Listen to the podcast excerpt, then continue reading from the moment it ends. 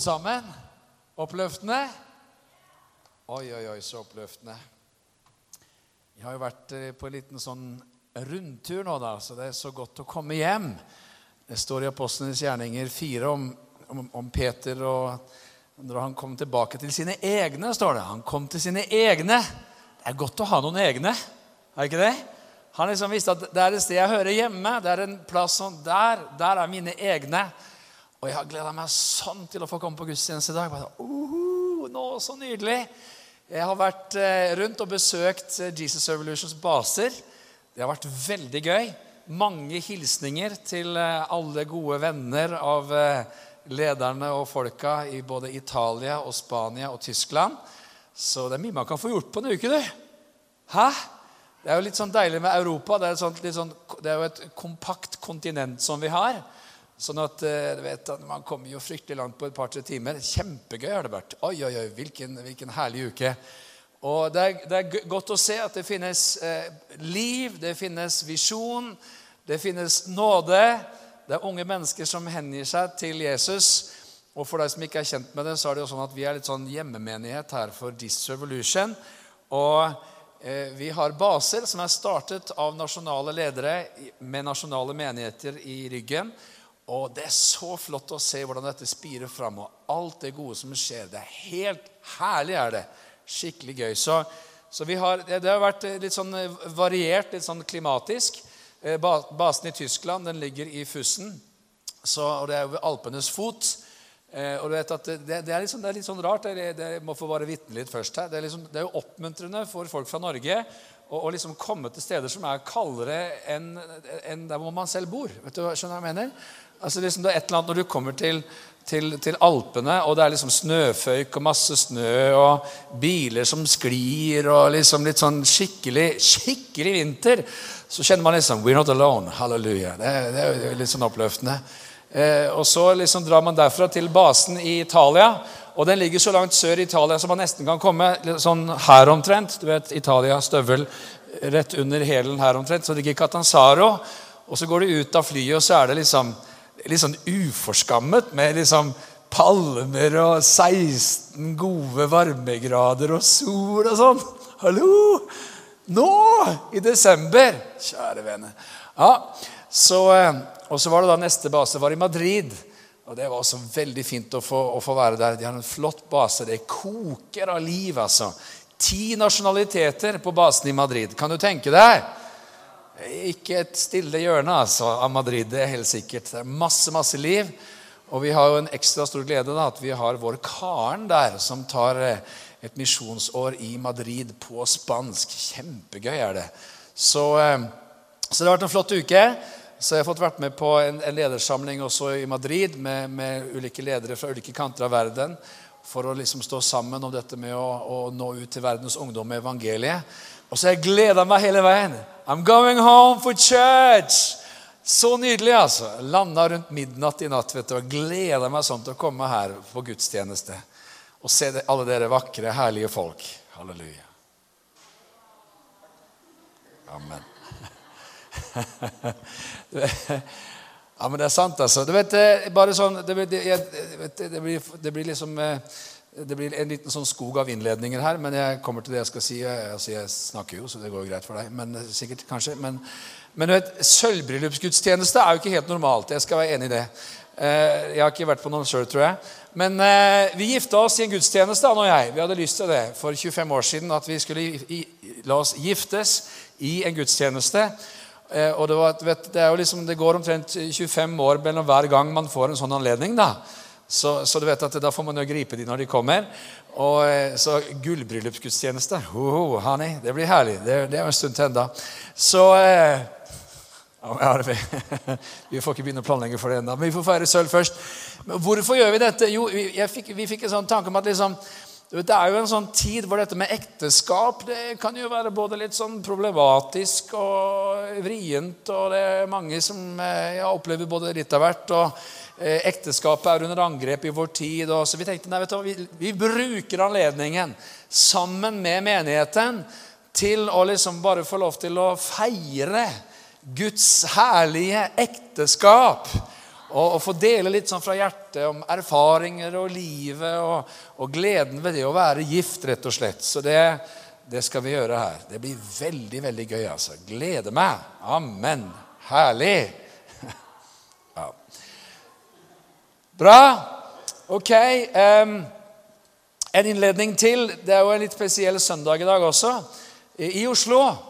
Jo, det, altså, vi har liksom én søndag i året hvor verdens øyne vendes mot Oslo. Vi får nyte det så lenge det varer. Det er den dagen CNN er på Karl Johan. Hvis det ikke skjer noe fælt, så er, er det den gangen CNN i året dukker opp på Karl Johan. Det er når fredsprisen utdeles. Og eh, Nobels fredspris er jo en spesiell dag. Eh, og du vet Det som er interessant, det er jo at Jesus han, han er for sånne ting, tror jeg. Han syns det der er bra. Ja, der, har, du, det der med noe med, med evangeliet å gjøre? Jo, han sa jo det. Salige er de som stifter fred. Himlenes rike er deres. Det, det, det, er et eller annet med det der at Vi vet, vi vet jo at liksom den endelige freden den kommer når fredsfyrsten kommer. Det er helt klart.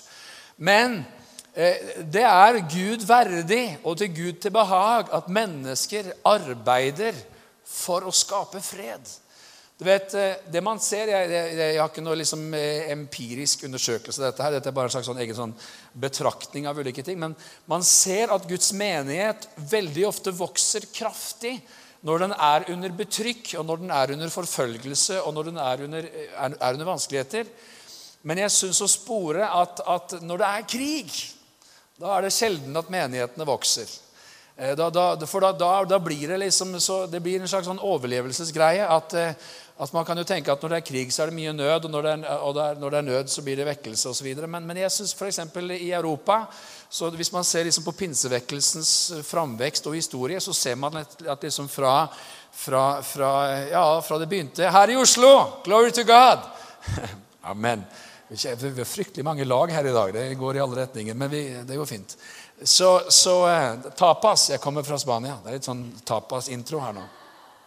Så eh, så var det jo pinsevekkelse. Ilden brant. Eh, og så, så, bredde jo pinsevekkelsen seg utover i Europa. Eh, 20-tall, 30-tall. Så kom andre verdenskrig. Og, og, da var det veldig mye bra som var på gang i veldig mange nasjoner. Men, men det ble en stopp. altså. Det ble, det ble, Veldig mange av disse bevegelsene i Europa eh, fikk et platå. og Mange av de vokste ikke så veldig mye heller, med noen unntak, etter andre verdenskrig. Så, så, hva er poenget her? Jo, salige er de som stifter fred. Jeg fikk jo gleden av å reise sammen med en predikant i ti år, Arild Edvardsen, som jo er grunnlegger av TBBMI, som vi har her på huset. Han var en litt sånn, litt sånn spesiell skrue. Altså. Han hadde mange spesielle ting for seg. Og du vet at når du reiser, til, han, reiser med han til Pakistan Eh, som jeg fikk gjøre ved to anledninger. Og, og, liksom det er kampanjer på den ene siden. Det sier jo alle evangeliske kristne ja til og ja og takk og amen og halleluja. Mens liksom når man går derfra til Conference for Peace and Harmony, så kan man liksom føle at det her låter litt cheesy. hvis du skjønner hva jeg mener. Altså, ok, Conference for Peace and Harmony. Men han var dristig. altså. Han var dristig. Han inviterte muslimske ledere, han inviterte biskop, kristne biskoper. Og Det var jo første gangen de prata sammen. Og Arilds enkle filosofi var det er bedre at de spiser sammen og blir kjent, enn at de liksom ja, herjer og holder på. Så, så, og, og, det var en biskop, en metodistisk biskop som sa til meg Det der reddet mitt liv, sa han. Han satt på plattformen med han biskopen i Faisalabad. Hvorfor det? Jo, fordi han ble kidnappet av muslimske ekstremister. Eh, og han ble slått gul og blå. Han kunne ikke se på tre dager etter at han eh, hadde blitt tatt til fange. Men i det her greiene som, hvor de da tenker at eh, nå tar vi ham altså vi, ja, Han ble tatt til fange og kidnappet. Så er det en som sier Han der så jeg bilde av i avisen sammen med disse muslimske lederne fra den fredskonferansen. We are in deep trouble. Tar vi livet av han, da er vi i vanskeligheter. Dette forteller biskopen. Så midt når de holder på der, og han tenker min siste time er kommet, så plutselig så bestemmer de seg for at han skal slippes fri. De kjører han av gårde, tar av tingene, dumper han i en grøft og stikker igjen. Og han sa, 'Det reddet mitt liv'. At Arild Edvardsen kom her og hadde disse her konferansene for, for fred. Så salig er de som stifter fred. Sånne fredsstiftere er ikke alltid så lette å skjønne seg på, for de liksom beveger seg i et territorium som ikke er så enkelt. Men, eh, men vi takker Gud i dag for eh, at vi også i Norge har et fredsfullt land, en fredfull nasjon. Vi er takknemlige til deg, Herre, for at vi får lov til å leve i et land hvor frihet og fordragelighet råder. Og vi ber også om din velsignelse eh, over disse som, har, som mottar denne prisen i dag. Vi ber om velsignelse over dem. Og vi ber at uansett hvor de er i livet, og hvor de er i forhold til tro, og hvordan, de, hvordan, deres liv er, det vet vi ikke mye om, så ber vi at de skal få lov til å erfare deg, du som er fredsfyrsten. At de skal tenke på deg og vende sitt hjerte til deg. Det ber vi om i Jesu navn. Amen. Ok. Da skal vi ta dele noe fra Guds ord sammen. Eh, du kan gjerne slå opp med meg i 1. Korinterbrev kapittel 4. Og det jeg kjente at jeg skulle tale litt om i dag, det er kanskje ikke så veldig adventsmessig, men eh, det, det, det, det går bra. Eh, jeg skal si litt om visjon, og jeg skal tale litt til oss som menighet. Men, men, men jeg skal liksom dra det inn i en litt sånn interessant ramme. Fordi når det gjelder dette med Guds vilje det er jo sånn som mange kristne er opptatt av. Hvordan kan man vite at man er i Guds vilje? Kan man, kan man være viss på at man er i Guds vilje? Av og til så tenker jeg at eh, dette med omstendighetene og hvordan omstendighetene våre ser ut til enhver tid, kan jo gi en viss sånn innvirkning på vår forståelse av hvordan tilværelsen er. Er vi med på det? Yes. Eh, og jeg vet ikke åssen det er med deg, men det, det fins jo liksom dager hvor man kjenner liksom eh, halleluja, eller for å sitere Øystein Sunde eh, jeg, eh, Åssen blir det? Åssen går det? Himmelen er blå, og sjåken er på, og jeg kjører for, forrest i køen. Det var, det var veldig smalt spor. altså. Det var en gammel låt av Øystein Sunde. for de som vet hvem han er. Men, eh, men, men Det var som musikkvideo, men, liksom, men han kjørte i en Lada en blå himmel, og alt var fint og herlig og nydelig. og ohoi! Men han kjørte forrest i køen. da. Det var jo liksom han som så veldig fint at han kjørte forrest i køen. Ok, Det er jo grunn til at man kjører forrest i køen, men det er en annen greie. Poenget er det fins sånne dager hvor det er herlig. Ohoi, blå himmel, nydelig. Mwah! Sant? Det kan jo til og med være at vi har perioder i våre liv hvor liksom man kjenner ha, Life is good. Life is smooth. Det er fint, det er godt. det er liksom... Men så kan man jo også oppleve tider hvor det er vanskelig. Sant? Det er trått. Det er krevende. Det er seigt. Det kan man ikke si i Danmark. Det betyr noe annet der. Men, men det, er, det, det, er, altså Det er, det, det er kjeklete. Nå kommer det mange interessante norske ord. Eh, vet du hva jeg mener? Altså, man kan jo oppleve at det ikke bare er dager som er mørke eller som er vanskelige, men man kan oppleve at det er tider som er tørke, tørketider. Ikke sant?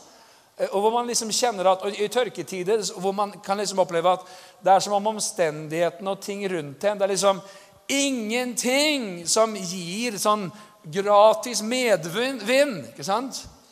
Av og til som man seiler, så får man det er medvind. vet du, så Andre ganger så er det sånn at du må, du må blåse sjøl liksom, for at det skal bli litt fart på sakene. Altså, Kjipe omstendigheter. Og det som er interessant, det er at eh, Gud velsigne tolken på alle mine rare ord her nå. Men eh, når man går inn og ser i Bibelen og ser, ser på Paulus, eh, så, så, er jo vi glad for Paulus. Er vi ikke det? Vi har allerede hørt han sitert her i dag. og Det var en, det var en nydelig, nydelig utlegning av Filippebrevet her. Og, og liksom, eh, Vi er glad for Paulus. Jeg mener, han er jo vår helt. Altså, vi tenker 'takk Gud for Paulus'. Er du glad for det? Jeg mener, han, han, var lydig mot det himmelske synet, og han dro til Makedonia, til Europa og forkynte evangeliet. Han skrev mange brev. Det er vi også glade for. Det skal jo du tenke på. vet Du Du må jo etterlate deg noen brev, du òg. Ja, det var en annen greie. Men, men, men, vi er glad for at han skrev brev, og at han skrev instruksjon til menighetene. Han feires jo liksom som den store helten. Men det interessante er jo hvordan var hans dag? Altså, Hvordan var hans liv? Vi tror jo at han fullførte sitt løp. Det tror vi. Vi tror at han var på sporet, gjør vi ikke det? Ja, Vi tror at han levde i Guds vilje. Det gjør vi også. Men det interessante er at når man liksom går inn og ser på Paulus' liv, så ser man at det var ikke bare enkelt. Det var faktisk alt annet enn enkelt. Det var stort sett aldri enkelt. og det er interessant at eh, eh Jeg vet ikke hvordan man skal tolke det i lys av historien, men det var jo veldig ofte når han var i fengsel, at han skrev brev.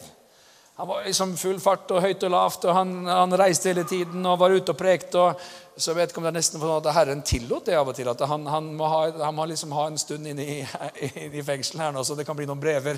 For da Han fikk jo ikke da besøkt menigheten, han fikk ikke prekt til dem. Så da istedenfor satt han og skrev, og det er vi veldig glade for.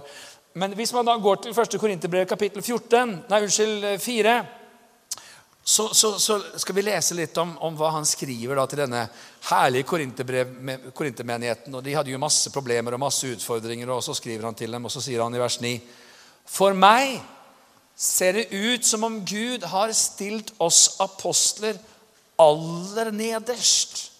Vi er som dødsdømte. Et skuespill er vi blitt for verden, både for engler og for mennesker.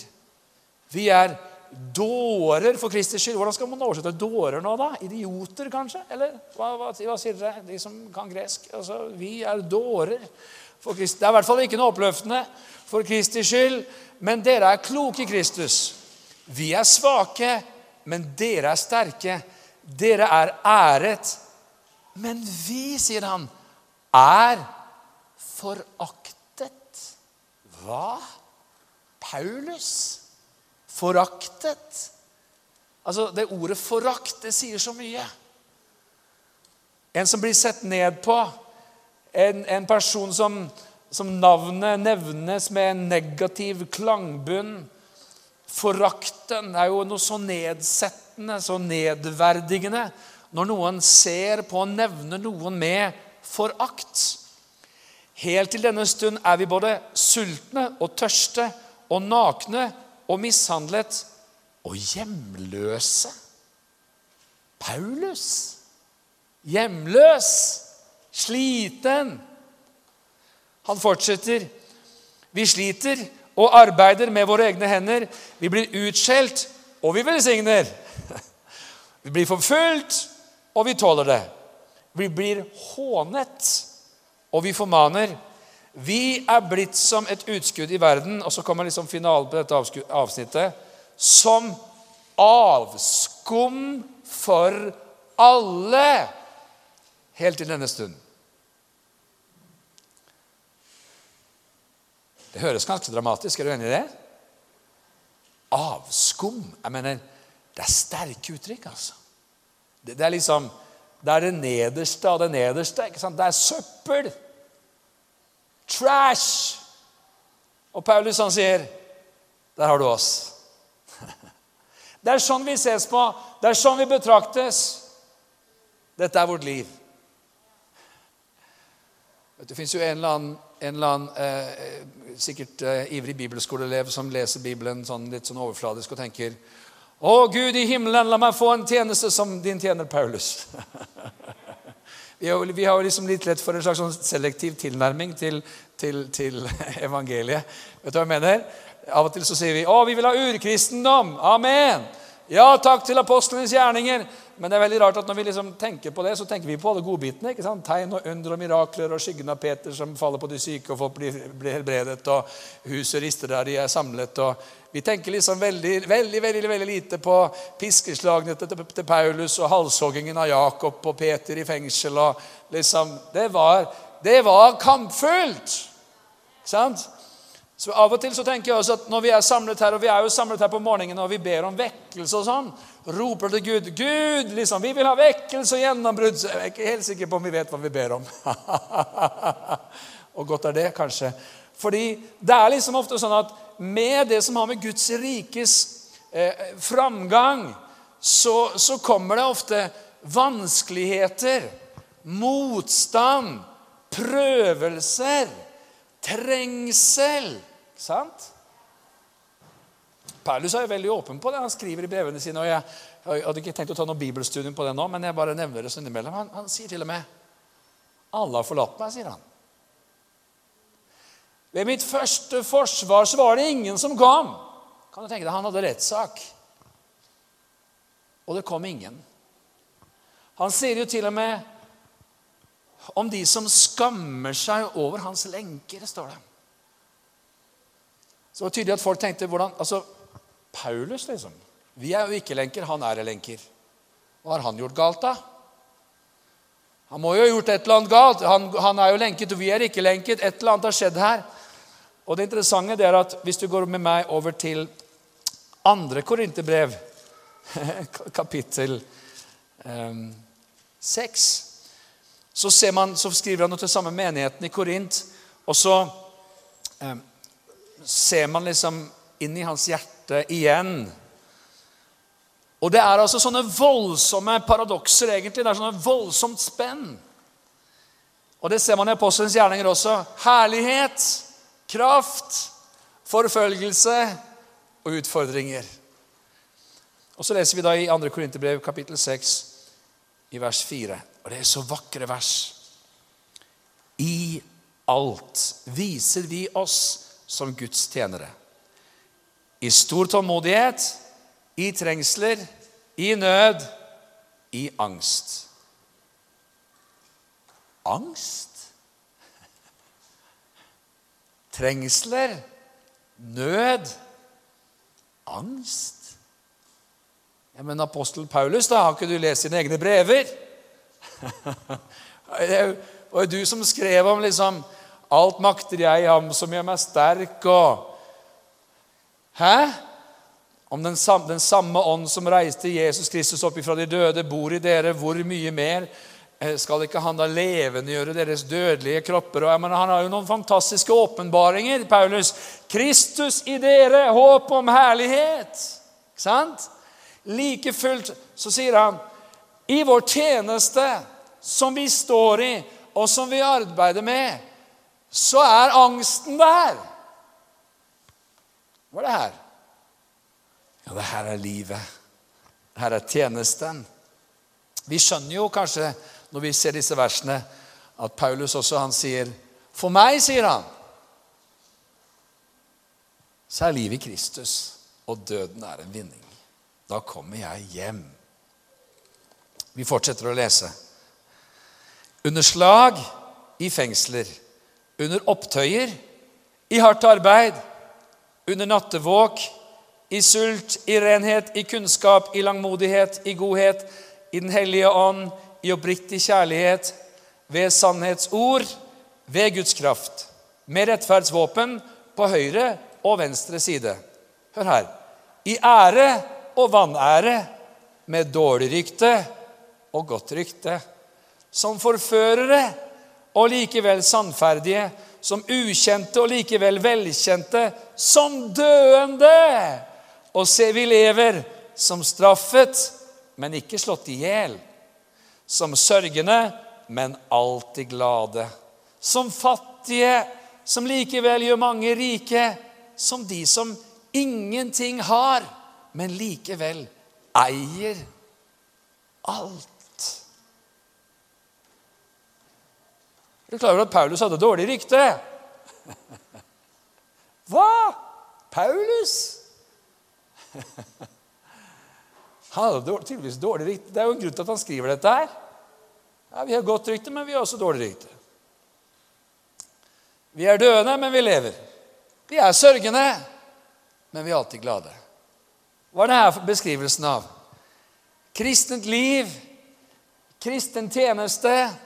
Og så beskriver det selvfølgelig også en mann som er kalt av Gud til å ikke gå den helt vanlige veien. Kalt av Gud til å bryte nytt land, til å pushe grenser. Til å forkynne evangeliet der evangeliet ikke før er blitt forkynt. Han lever på en måte i ytterkanten hele tiden. Vi kan si det med et uttrykk fra David. Han lever med livet i hendene.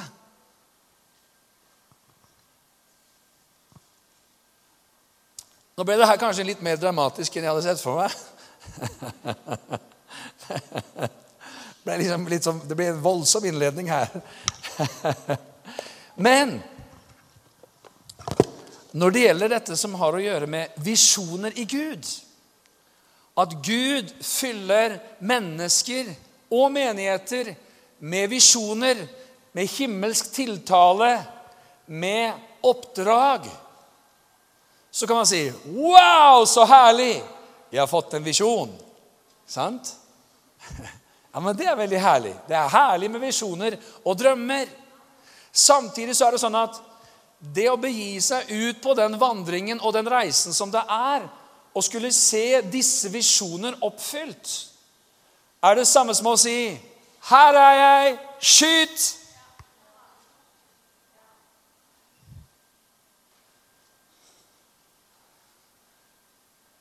Jeg var sammen med en pastor fra Burkina Faso i går. En fantastisk Herrens tjener. Og som fortalte om desperasjonen som hadde vært blant unge mennesker i Burkina Faso for et par år siden. En million strømmer ut på gatene for å demonstrere. Og de visste militæret har fått beskjed om å skyte. Og vet du hva de gjorde for noe? Jo, de lagde T-skjorter med blinker så gikk de sånn ut på gatene. Her er vi. Vi vil ha forandring, koste hva det koste vil. Tegnet blinker på sine T-skjorter. Det å ville se forandring er det samme som å sette en blink på seg selv. Ikke sant? Skal ikke vi gjøre det sånn veldig dramatisk? Er det liksom du blir nervøs neste gang du går på butikken og tenker liksom, her står djevelen bak en krok liksom, og står klar. Men jeg tror samtidig at det er, klart, at det er viktig at vi ser at, at Hvis jeg tenker på, tenker på eh, Jesus Church som menighet Vi er en misjonsmenighet. En misjonsforsamling. Vi blir glade når vi hører ordet misjon. Vi har i mange år sendt ut noen av våre beste. Halleluja. Og vi gjør det stadig vekk. Hvorfor det? Jo, fordi at vi tror at evangeliet er Guds kraft til frelse for hver den som tror. Amen. Vi tror at dette evangeliet om riket skal forkynnes som et vitnesbyrd for alle folkeslag. Og så skal enden komme, sier Matteus 24, 14. Ikke sant? Vi tror på dette. Vi tror på å være Og det er så interessant, for det er så mange sånne deilige ord som er sånn politisk ukorrekte. Ikke sant? Å være misjonerende, f.eks. Det, det er jo et det er jo et nesten sånn fyord å være misjonerende. Men vi, vi, er glad for sånne ord. Vi, vi tror på misjon. Vi er glad for misjon. Vi vil leve, være misjonerende. Og det er klart at det å da være en forsamling som sier dette har Gud vist oss, dette skal vi gjøre, halleluja, er også samtidig en invitt til å leve og gå en litt krevende reise. Amen? Halleluja. Ja, Hva er det som kommer nå, sier du? Nei, det er ikke, jeg har ikke liksom noen veldig spesielle eh, kort å dra ut av ermet her. Men jeg bare har lyst til å dele litt veldig kort her nå. Så nå, I og med at innledningen har tatt det meste av tiden, så blir det en litt sånn raskt lite blikk på litt av det som er vårt oppdrag. Går det bra? Vi har definert det på to forskjellige måter når det gjelder eh, dels det store bildet. Hva er vår hensikt? Hva er vår hensikt som menighet? Og du vet, Menigheten heter jo Jesus Church. Vi elsker Jesus. Vi tror at han er veien, sannheten og livet. Og drømmen er jo å få lov til å være en, en, en Jesus-menighet. Ikke bare i navnet, men i gavnet. Og så tenker vi på følgende måter at hensikten vår Vi kan få opp den sliden hvis vi har den der. Det Hva er vi til for? Jo, det er Nummer én å kjenne Jesus. Nummer to å etterfølge Jesus. Nummer tre å lede mennesker til Jesus. Nummer fire fellesskap i Jesus. Og nummer fem tilbe Jesus. Vi kan gå tilbake til nummer én. Jeg har jo sikkert eh, en lang liste med bibelvers på hvert eneste punkt, og det får vi ta en annen gang. Men jeg bare vil at du skal kunne, av og til så er det godt å se et sånn overblikk. ikke sant? Fordi kjenne Jesus. Der begynner alt sammen. Johannes 17, 3, Dette er det evige liv, at de kjenner deg, den eneste sanne Gud, og ham du utsendte, Jesus Kristus. Hvert menneske må få kjenne Jesus. Og når vi blir kjent med Jesus, så begynner vi å etterfølge Jesus. For eksempel så sier Peter 2,21.: For til dette ble dere kalt fordi også Kristus led for dere og etterlot dere et eksempel for at dere skulle følge i hans fotspor. Ofte så vi, er vi glad for å eh, understreke den første, siste delen av det verset. Han etterlot oss et eksempel for at vi skulle følge han i hans fotspor. Men det begynner med å si at Kristus led for dere og etterlot, oss et eksempel for at vi skal følge i hans fotspor. Med andre ord, det fins også en viss porsjon lidelse. Kan være i det å stå opp for Jesus. Vi er kalt til å følge han. Og Vi har sagt det noen ganger her de siste søndagene at sannsynligvis vil vi oppleve mer og mer og mer av det de neste årene. At det å tro det samme som kristne har trodd i alle år, bare tro det samme, ikke tro noe annet, men tro det samme, vil oppleves som mer og mer og mer kontroversielt i det norske samfunnet. Sant? Hvis man bare tenker jeg tror at det som Bibelen sier, er det samme nå som det var for 30 år siden, som det var for 2000 år siden, det kan komme til å bli veldig kontroversielt etter hvert. Er det egentlig nesten nå også. Men det, men det er jo herlig å vite at når Gud tenkte hvem skal vi ha som skal liksom leve i 2017 og de første tiårene i dette andre millenniet etter Kristus, så tenkte han jo på deg. Det er jo helt klart. Så han, han, han, han var jo, du, du, du, sitter jo her nå og stråler og er glad. Halleluja. For at Gud plasserte deg nå. Er du glad for det? Det er jo all grunn til det, altså. Du kunne jo blitt født for 1000 år siden. Det hadde sikkert vært fint, det òg, men livet hadde vært litt annerledes. Måtte du gått ut og skaffet mat i skogen, David, til en hustru med pil og bue og det hadde jo vært litt annerledes. Flådd en geit så du hadde noen klær å kle deg med. Liksom. Det hadde vært litt annerledes. Men Gud tenkte vi trenger sånne typer som dere som er her nå. Amen. Ok, Hva er det vi gjør når vi etterfølger Jesus? Selvfølgelig veldig mange ting. Det dreier seg jo om å følge Jesus' eksempel, leve Jesus-livet, gjøre hans gjerninger og bli mer og mer lik han. Han er vår visjon. Han skal vinne skikkelse i oss. Og så kommer det neste, det, punkt, det tredje punktet å lede til Jesus. Hva sa Jesus i Markus 1, 17? Jesus sa til dem, 'Følg meg, så vil jeg gjøre det til menneskefiskere'. Vet du, Det er så gøy å følge Jesus! Det er så gøy! Jeg tok en sånn Uber, er det det heter, i, eh, i, i Madrid i går. Og det var en sånn morsom taxisjåfør. vet du. Og han var jo fra Iran, og det var så gøy. Og jeg kan jo tre iranske ord, og jeg brukte de for alt det er verdt. Og det siste ordet jeg kan, det er taddig. Det det er For de som er uinnvidde, så er det en sånn bunnen av risen som man liksom gjerne putter litt sånn yoghurtaktige ting og greier Nei, ikke yoghurt, alle rister. Ja, men et eller annet putter man i, hvert fall. Og så blir det en litt sånn stivnet greie. Litt sånn småbrent ting. Og så bare mwah, Smaker så utrolig godt.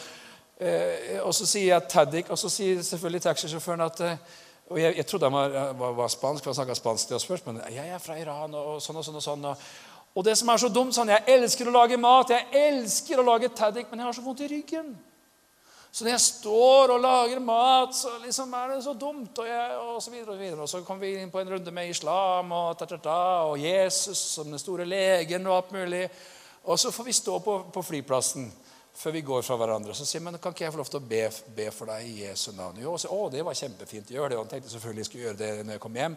Men der og da vet du, så ble en nydelig bønnestund utenfor, uh, utenfor, flyplassen, der utenfor gaten. Hvor vi fikk be for Habib vet du, og velsigne han og be for ryggen hans. Og det var nydelig. altså. Det er så spennende å følge Jesus.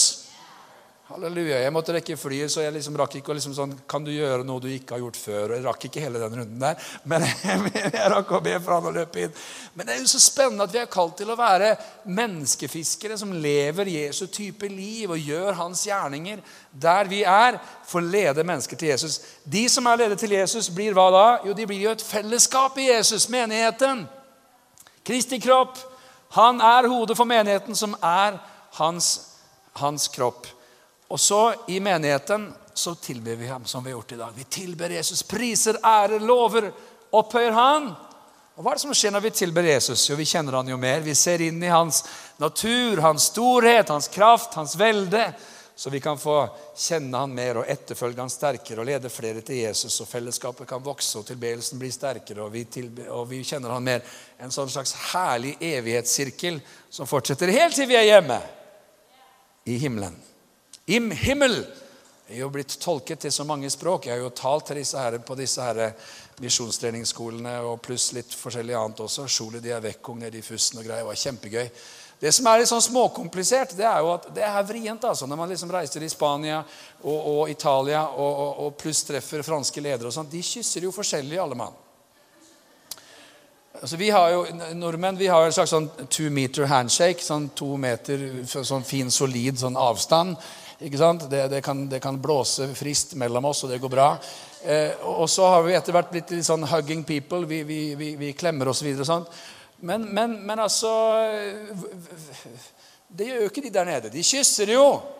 Jo lengre sør de kommer, jo mer kysser de. vet du. Det er jo helt utrolig. Eh, men de kysser jo forskjellig. Og forskjellige antall ganger. Så Det var jo en leder i Jesus Evolution som ikke skal navngis nå, men han har jo fortalt dette selv i full offentlighet, som skulle ut og preke et sted i Italia. vet du, og, og liksom, Hvilken side begynner man? Det er jo også forskjellig. ikke sant? Altså, Der eller der eller der. ikke sant? Og så, liksom, så var det en ung søster da, som, som skulle hilse på han på, alle, på italiensk vis. og, og, så begynte liksom hun der, og så begynte han der. Og så prøvde han da, tenkte at dette blir jo feil, så nå må jeg liksom skifte. Og det ble jo bare veldig feil, for plutselig så ble det munn til munn. Bong! Oi, oi, oi, oi, oi, oi! Predikanten kysset meg på munnen. Skandale. Så han var jo rød fra altså, hele, og det var hun, og det var jo liksom ikke en veldig åpen eh, dør inn i forkynnelsen, kanskje. Jeg vet ikke. Men du kan få detaljene av eh, han som da ikke er navngitt, men som har opplevd dette. Eh, og så kommer vi til og så kommer vi så treffer disse franske lederne. Og det, vet du, Jeg har jo hørt dette her, men jeg fikk det bekreftet. Det er jo forskjellig fra region til region i Frankrike. Er du klar over det? Så noen steder så har de liksom to kyss. Mm, mm. Lyon-området der så er det tre. Mm, mm, mm, og helt i sør så er det fire. Og da blir det kleint vet du, hvis det skal være to, og du tar fire. ikke sant? Du skjønte det? Ok, anyway. Åssen kom jeg inn i det? Åssen i alle dager kom jeg inn i det? Det er jo ikke noe baser og misjon og halleluja og hellige kyss. og De er veldig stolte at de praktiserer det. da. De gjør jo det. da. Vi, vi, vi gjør jo ikke det. Så det er jo en, det er visse ting av Bibelen vi finner problemer med her oppe i nord. ikke sant? Og dette er en av de. Hellige det, vi har sikkert, jeg vet ikke om du har streket under det, men vi praktiserer det ikke. Og Noen er veldig glad for at vi ikke gjør det. Men nå begynner vi med det. Nei da. Halleluja. Ja, vi får se. Ok. Dette var, This was a side note. It had nothing to do with absolutely anything. Det var en slags miljøskade, kanskje. Jeg vet ikke. Men, men så gøy, altså. Oi, oi, oi. Det er jo pussig vet du, når skjeggete mannfolk går bort og kysser deg flere ganger. Det, det, det er, men alt for Jesus. Halleluja. Amen. ja, vi stopper der. Vi stopper der. Ok, Så hvis vi da tar et bladskifte Hva er vår visjon? Og dette, det her, her igjen blir litt sånn lite sånn, sånn, overblikk. Vi har jo i første, eller skal vi se, jo, andre søndagen i januar, den 7. januar eh, Den 14. januar, det er i hvert fall en søndag i begynnelsen av januar, så skal vi ha noe som vi kaller for Jesus Church Basics. Og som du er invitert spesielt til, og som er ny i menigheten, og som ønsker å høre litt mer i detalj rundt dette. Eh, men, eh, men jeg skal oppsummere veldig veldig fort. Det fins fem ting som vi opplever at Herren viste oss for mange år siden, som var vår visjon. Og det defineres som hva vi skal være å gjøre. Og det første, det er et åndelig hjem. Det er herlig med hjem. Ikke sant? Når du kommer hjem, så slapper du av. vet du. Når du har vært på en lang dag på jobben eller vært ute på tur. eller Det er nydelig å komme hjem. ikke sant? Det er ikke noe anstrengende med å være hjemme. liksom. Å, 'Nå kommer jeg hjem.' Liksom. Å, 'Nå kommer jeg hjem. Å, nå må jeg skjerpe meg.' Der kommer du hjem. Er da kan du senke skuldrene. Det er godt å komme hjem. Det er godt å ha et åndelig hjem. Og så fins det noen, noen, beskrivelser av dette som samler til levende gudstjenester, disippelgjør gjennom nære fellesskap, utruster den troende til aktiv tjeneste. Vi tror på viktigheten av gudstjenestefeiring. Vi tror på viktigheten av disippelgrupper, hvor vi hjelper hverandre til å følge Jesus. Det er liksom noe av det vi gjør i disse disippelgruppene. Vi har begynt med medvandring, hvor man kan til og med ha en medvandrer, hvor man får gå sammen med noen, støtte, oppmuntre, styrke hverandre i etterfølgelsen av Jesus. Halleluja. Det er ikke ment å være et sånt solospill, et sololøp. Det er ment å være noe som vi gjør sammen. Jeg kan selvfølgelig si veldig mye om det med et åndelig hjem. Men eh, tiden tillater ikke det nå. Jeg, jeg bare skriver. Er det greit at vi tar et litt overblikk her? Et, et, åndelig hjem, eh, et sted å høre til. Der hvor vi altså feirer gudstjenester, blir disippelgjort og tjener Gud sammen. Halleluja. Jeg, jeg, blir så frista til å liksom dytte inn en liten greie.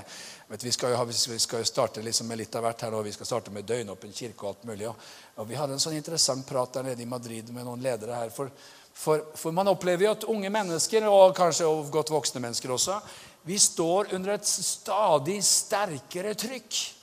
i forhold til liksom meninger, tanker, motstrøms, filosofier, tankebygninger som går imot kunnskapen om Kristus. Det skal noe til å holde stand. Og jeg er ikke sikker på liksom, om man spør den gjennomsnittlige kristne eller kristne ungdom liksom, Hva skjedde på korset, egentlig? Forklar meg det. Det er jo så dypt og så svært at det kan jo ta et, et liv å prøve å skulle forklare det. Men, men hva, hva, hva, er, hva, hva, vil egentlig si at Gud er Gud Fader, Gud Sønn, Gud den hellige ånd? Altså, Det er så mange ting vi ikke kan, som vi sliter med å forklare. Og så er det interessant at muslimer i Norge sender barna sine på kristne skoler. Er ikke det gåtefullt? Det skjer både her og der. Og man kan jo tenke hvorfor i alle dager sender dere barna deres på kristne skoler? Er ikke dere redd for at liksom, de skal jo ende opp å bli kristne? Er ikke redd på en plass? For det er så tydelig formbart miljø og kultur. Og fordi det finnes koranskoler som gjør at hver dag etter skolen så lærer man seg Koranen. ikke sant? Husker jeg satt i taxi i, Faisalabad. Faisalabad? Nei, det var det ikke. Det var Raval, mellom Ravalpindi og Islamabad for lokalkjente. Og, eh, og, og, det er alltid gøy. Jeg, har liksom noen pakistanske gloser òg. Det er ikke mange av de, men eh, Meranam Stefan her, khoda barkat der, og litt sånne greier. Og så begynner vi å prate litt, og så sier taxisjåføren Vet du hva? Å, han blir så glad, vet du. Min datter er ni år, og hun kan Koranen utenat. Hæ? Jeg tenkte på hvor mye kan jeg utenat, tenkte jeg. Det var jo ikke av, av Bibelen. Det var, det, var, det var, litt utfordrende, kjente jeg. Og de synger jo, vet du. De lærer seg å synge. Det er sånn de ofte lærer seg, sånn de har teknikker på det, å lære seg utenat. Hva er poenget? Jo, hvor kommer koranskolene fra? Hvor har de lært de greiene der?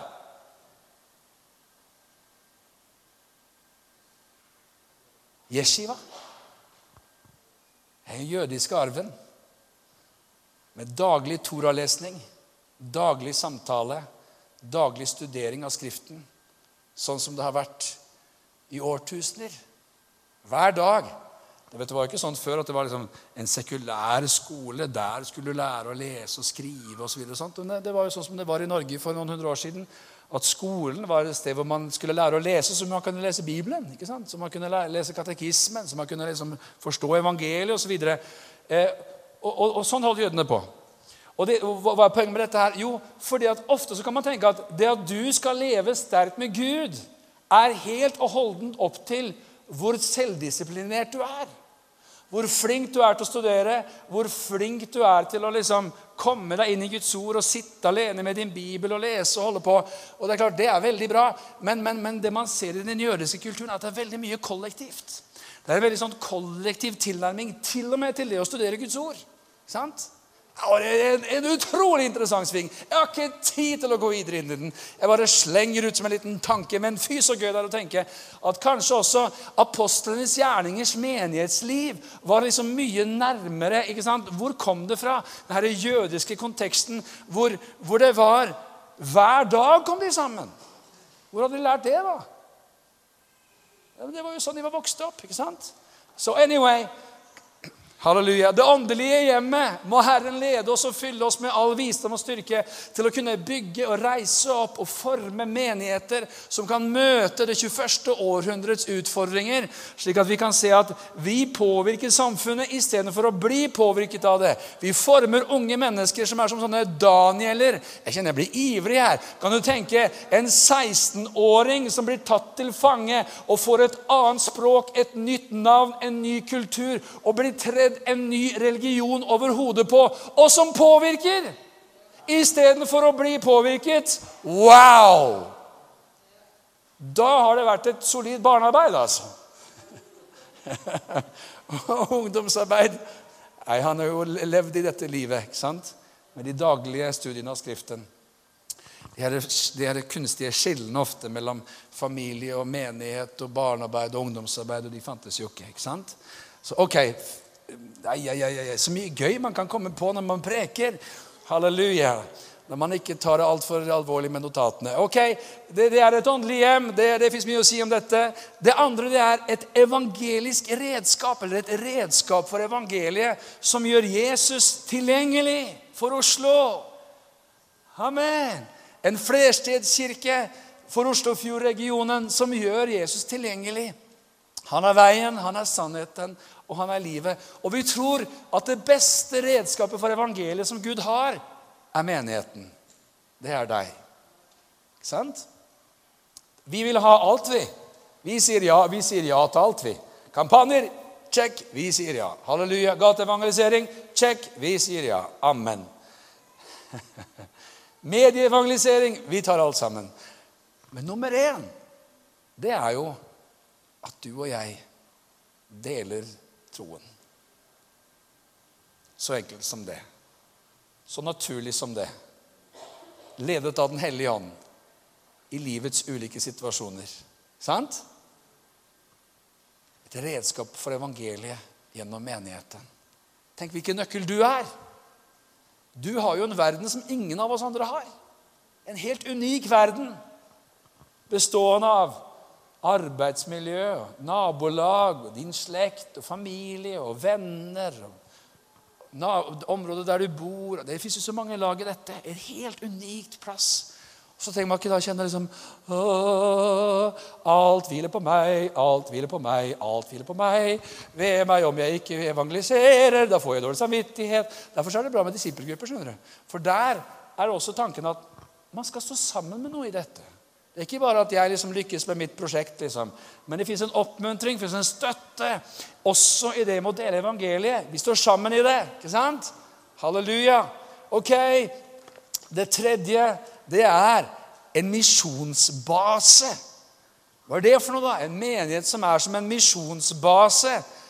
Jo, men Det er klart at det, det er jo det eneste riktige. Jesus han har jo sagt, 'Meg er gitt all makt i himmel og på jord. Gå derfor ut i all verden og gjør alle folkeslag til disipler.' Så det er jo klart det er sånn som vi skal holde på med. Vi er levende og aktivt engasjert i misjon til jordens ytterste ender. Amen. Halleluja. Og det må jo gjenspeiles i forsamlingen. Vi er, vi er jo ikke bare, så Det er jo ikke sånn at misjonen den begynner ved Svinesund. Eller Kattegat, kanskje. Kryss Kattegat, da er det misjon.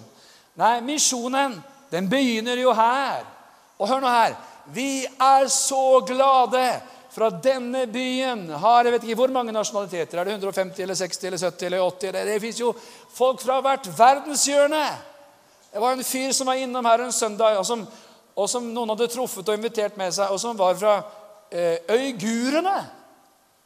Alle vet selvfølgelig hvem øygurene er. Yes. Det er jo et sånn unådd definert folkeslag som lever i litt forskjellige land, bl.a. i indre Kina. Og som liksom sånne folk, Misjonologer og sånne som ønsker å nå alle verdens folkeslag, og som jobber med kartlegging og sånn. De er bare øygurene! Det var en øygur som var innom her en dag. Hvor kult er ikke det? Og Da er det jo viktig at du snakker med de som kommer inn. da, vet du. At ikke du da tenker at ja, han har ikke jeg sett før. Så det er klart at det, og det er litt sånn smånorske skeptisismen, litt sånn avmåltheten at og Det er klart det blir litt småpinlig hvis han kanskje har vært her mange ganger, og så går jeg bort og sier at 'er du her for første gang'? Det blir litt sånn dumt og litt sånn småkleint. og Så jeg holder meg litt sånn jeg, for meg selv. Så tar jeg en kakebit av marmorkake og litt kaffe, og så, og så går vi videre. Men det kan jo være at det er en uigur som står ved siden av deg! Hallo! Du må jo ta sjansen! Hæ? Halleluja. Og så gøy. Jeg var en kvinne fra Somalia som var her for ikke så lenge siden. Herlig. Det er gøy. Og nysgjerrig og vil komme og se og høre. Ikke det fint? Og her er vi! Amen. Så vi er en misjonsmenighet. Og det, det syder jo misjon i alle retninger her. Vi, vi, vi, vi driver et bibel- og misjonsinstitutt, kan du tenke deg.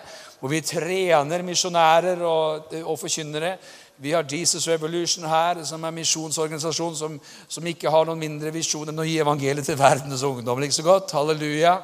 Eh, vi har Jesus Kids International, som har startet her med en visjon om å gjøre evangeliet tilgjengelig for barna. Vi har Jesus-kvinner som er engasjert i misjon i India. Er, noen av oss jobber med ny generasjon eh, som holder på med studentarbeid ute i nasjonene.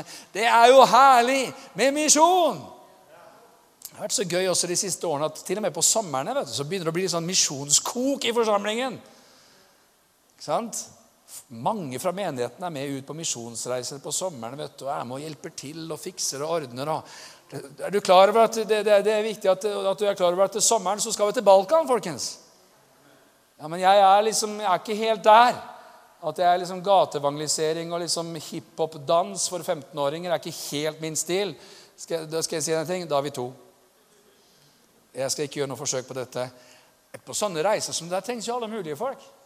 Folk som kan hjelpe til med alle mulige greier. ikke sant? Det er, jo, det er jo alt fra mat til organisering, og det fins fryktelig mye evangelisering til sommeren med Balkan. Det er jo endeløst. Det er å hjelpe til å, fikse og ordne og det, det, altså Jeg skal ikke begynne å tenke på det engang, men lista er nå så utrolig lang på ting vi trenger folk til. You're all welcome. Og vi skal til Balkan. Halleluja. Nydelig. Bare å booke billetten til Sofia. Ok. Nummer fire, og jeg er snart i mål, det er at Gud talte til oss for veldig mange år siden at vi skulle ha et senter for lovprisning og barmhjertighet. Og det er jo liksom ikke helt A4, for den neste setning er 24-7. Det er jo Himalaya, altså 24-7. Hæ? 8760 timer i året. Ikke bare med lovsang og bønn, men med barmhjertighet. Hjelp til folk, forbønn for folk. Den blinde mannen roper ut til Jesus og sier, 'Herre, miskunn deg over meg.' Eller 'Herre, ha barmhjertighet med meg.' 'Lord, have mercy on me.' Så barmhjertighet, det er å formidle legedom, håp, kraft, men også kjærlighet, praktisk hjelp. Og hvordan skal det her gå til? Nja Det er ikke alt vi har skjønt, men noe har vi skjønt. Det skal bygges en allianse for alt Guds folk. Og du vet, For deg som er ny her det her Ordet kom når menigheten var helt ny. Og så går det gått så fryktelig mange år, og så har det skjedd så fryktelig lite at til slutt så blir det nesten småpinlig å ha en sånn visjonssamling og snakke om punkt nummer fire. For da er det alltid en hånd som har sagt opp gjennom årene 'Når skjer det, da?' I have no idea. Men den stedet her er laget for det. Be uavlatelig. Lovsang, bønn, ofre Gud, takksigelse. Min sjel, lov Herren. Syng med fryd for Gud. Men har du sett at barmhjertigheten fins i taket òg da? Gud er kjærlighet. Vær glad i håpet. Frykt ikke, tro kun. Her fins det håp for den håpløse. Her fins det kjærlighet ifra Gud. Og det skal være åpent døgnet rundt. Hvor gøy er ikke det? En kirke som aldri sover. Hvor kult er ikke det?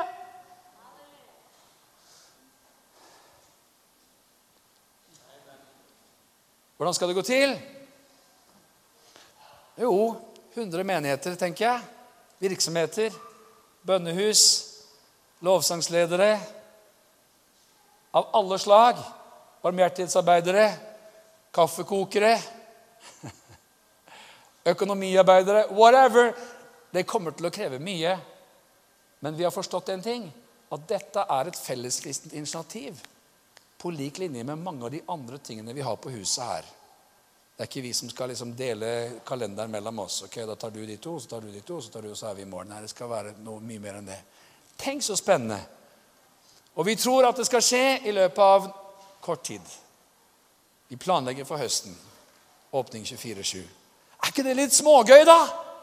At de her gåtefulle greiene som ingen av oss har skjønt en ting av i årevis Så står vi her og sier ja, vi tror det starter til neste år. Hadde håpet på i år, men det ble litt for trangt. Men vi tar det neste år. It's moving, kind of. Glory to God in the highest. Ja, men hvor, hvor kommer dette her inn i kirkevekstplanleggingstenkningen? Jeg tror ikke det er helt sånn det funker. Jeg tror det er at Gud taler, og så får man lyde, og så får man prøve å forstå timingen. Og så er det opp til han å gjøre en hel del ting også. Sant? Det siste Og så skal vi feire nattverd sammen. En visjonsbærer for neste generasjon. Et mandat, en målsetning om å nå barn, ungdom, nå studenter. Jeg har lyst til å si at for oss som menighet så er det her så viktig. Takk Gud for alle som engasjerer seg for barn og ungdom. Og må det bli mange, mange flere. Må vi få nåde til å se at det får vokse opp et sterkt, solid barnearbeid. Et sterkt, solid ungdomsarbeid. Må vi få nåde til å se at det som skjer her på søndager, ikke bare blir en fantastisk greie for menighetens barn. Men må vi få nåde til å bygge noe, og må Gud reise opp visjonære ledere i dette. Som drømmer om at bydelens barn, nabolagets barn, skal ta og trippe oppover bakken til Sankthanshaugen og bli med på søndagsskole og spennende aktiviteter og undervisning om Jesus hver søndag morgen. Sant? Min kjære svigermor forteller om en tid i Oslo hvor det fantes hundrevis av barn på søndagsskolen. Hvor mange var det i Salem i sin tid? 1200 barn i søndagsskolen! Hallo! Er jo ikke til å tro. En annen tid, ja, det vet vi. Men vet du hva? Vi kan be. Amen. Og det kan skje. Og vi kan se at det blir en forandring når det gjelder barna. Og så er det sånn at vi også har fått noen andre ting. Herren har talt til oss om barnehager. Vi gir oss ikke på det. Vi har samlet inn penger til et AS, og vi ber om at nøkkelpersoner skal komme inn. Barnehager rundt omkring i byen. Vi tror til og med det skal komme kristen skole. Det trengs flere kristne skoler i Oslo. Vi har ikke gitt opp den drømmen heller.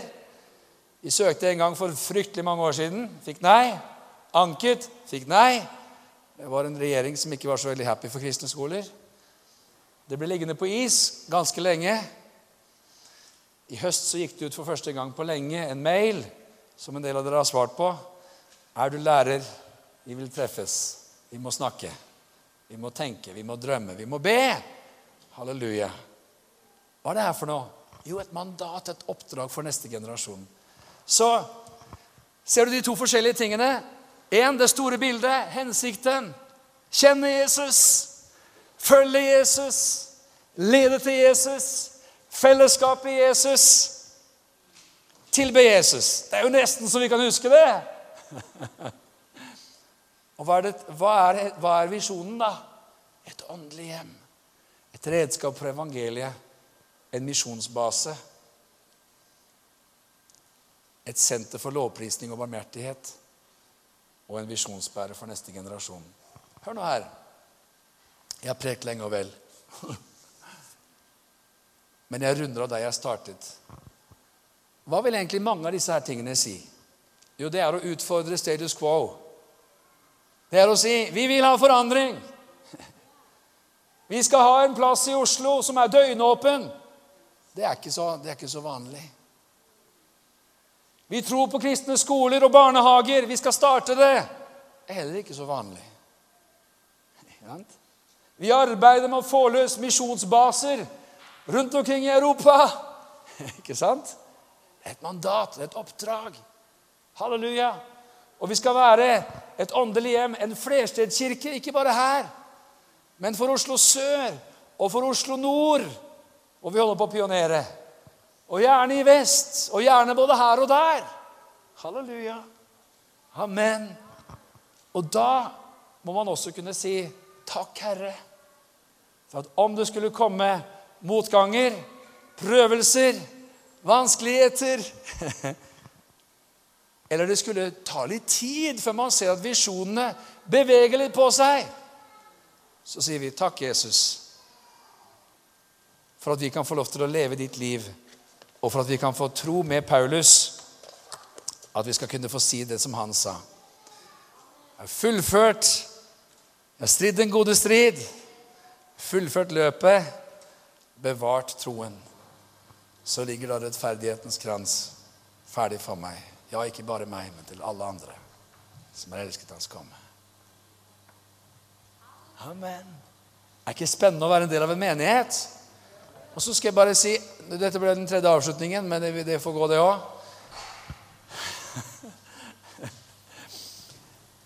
Så kan jo noen tenke Å, kjære vene, det her føltes så skummelt ut.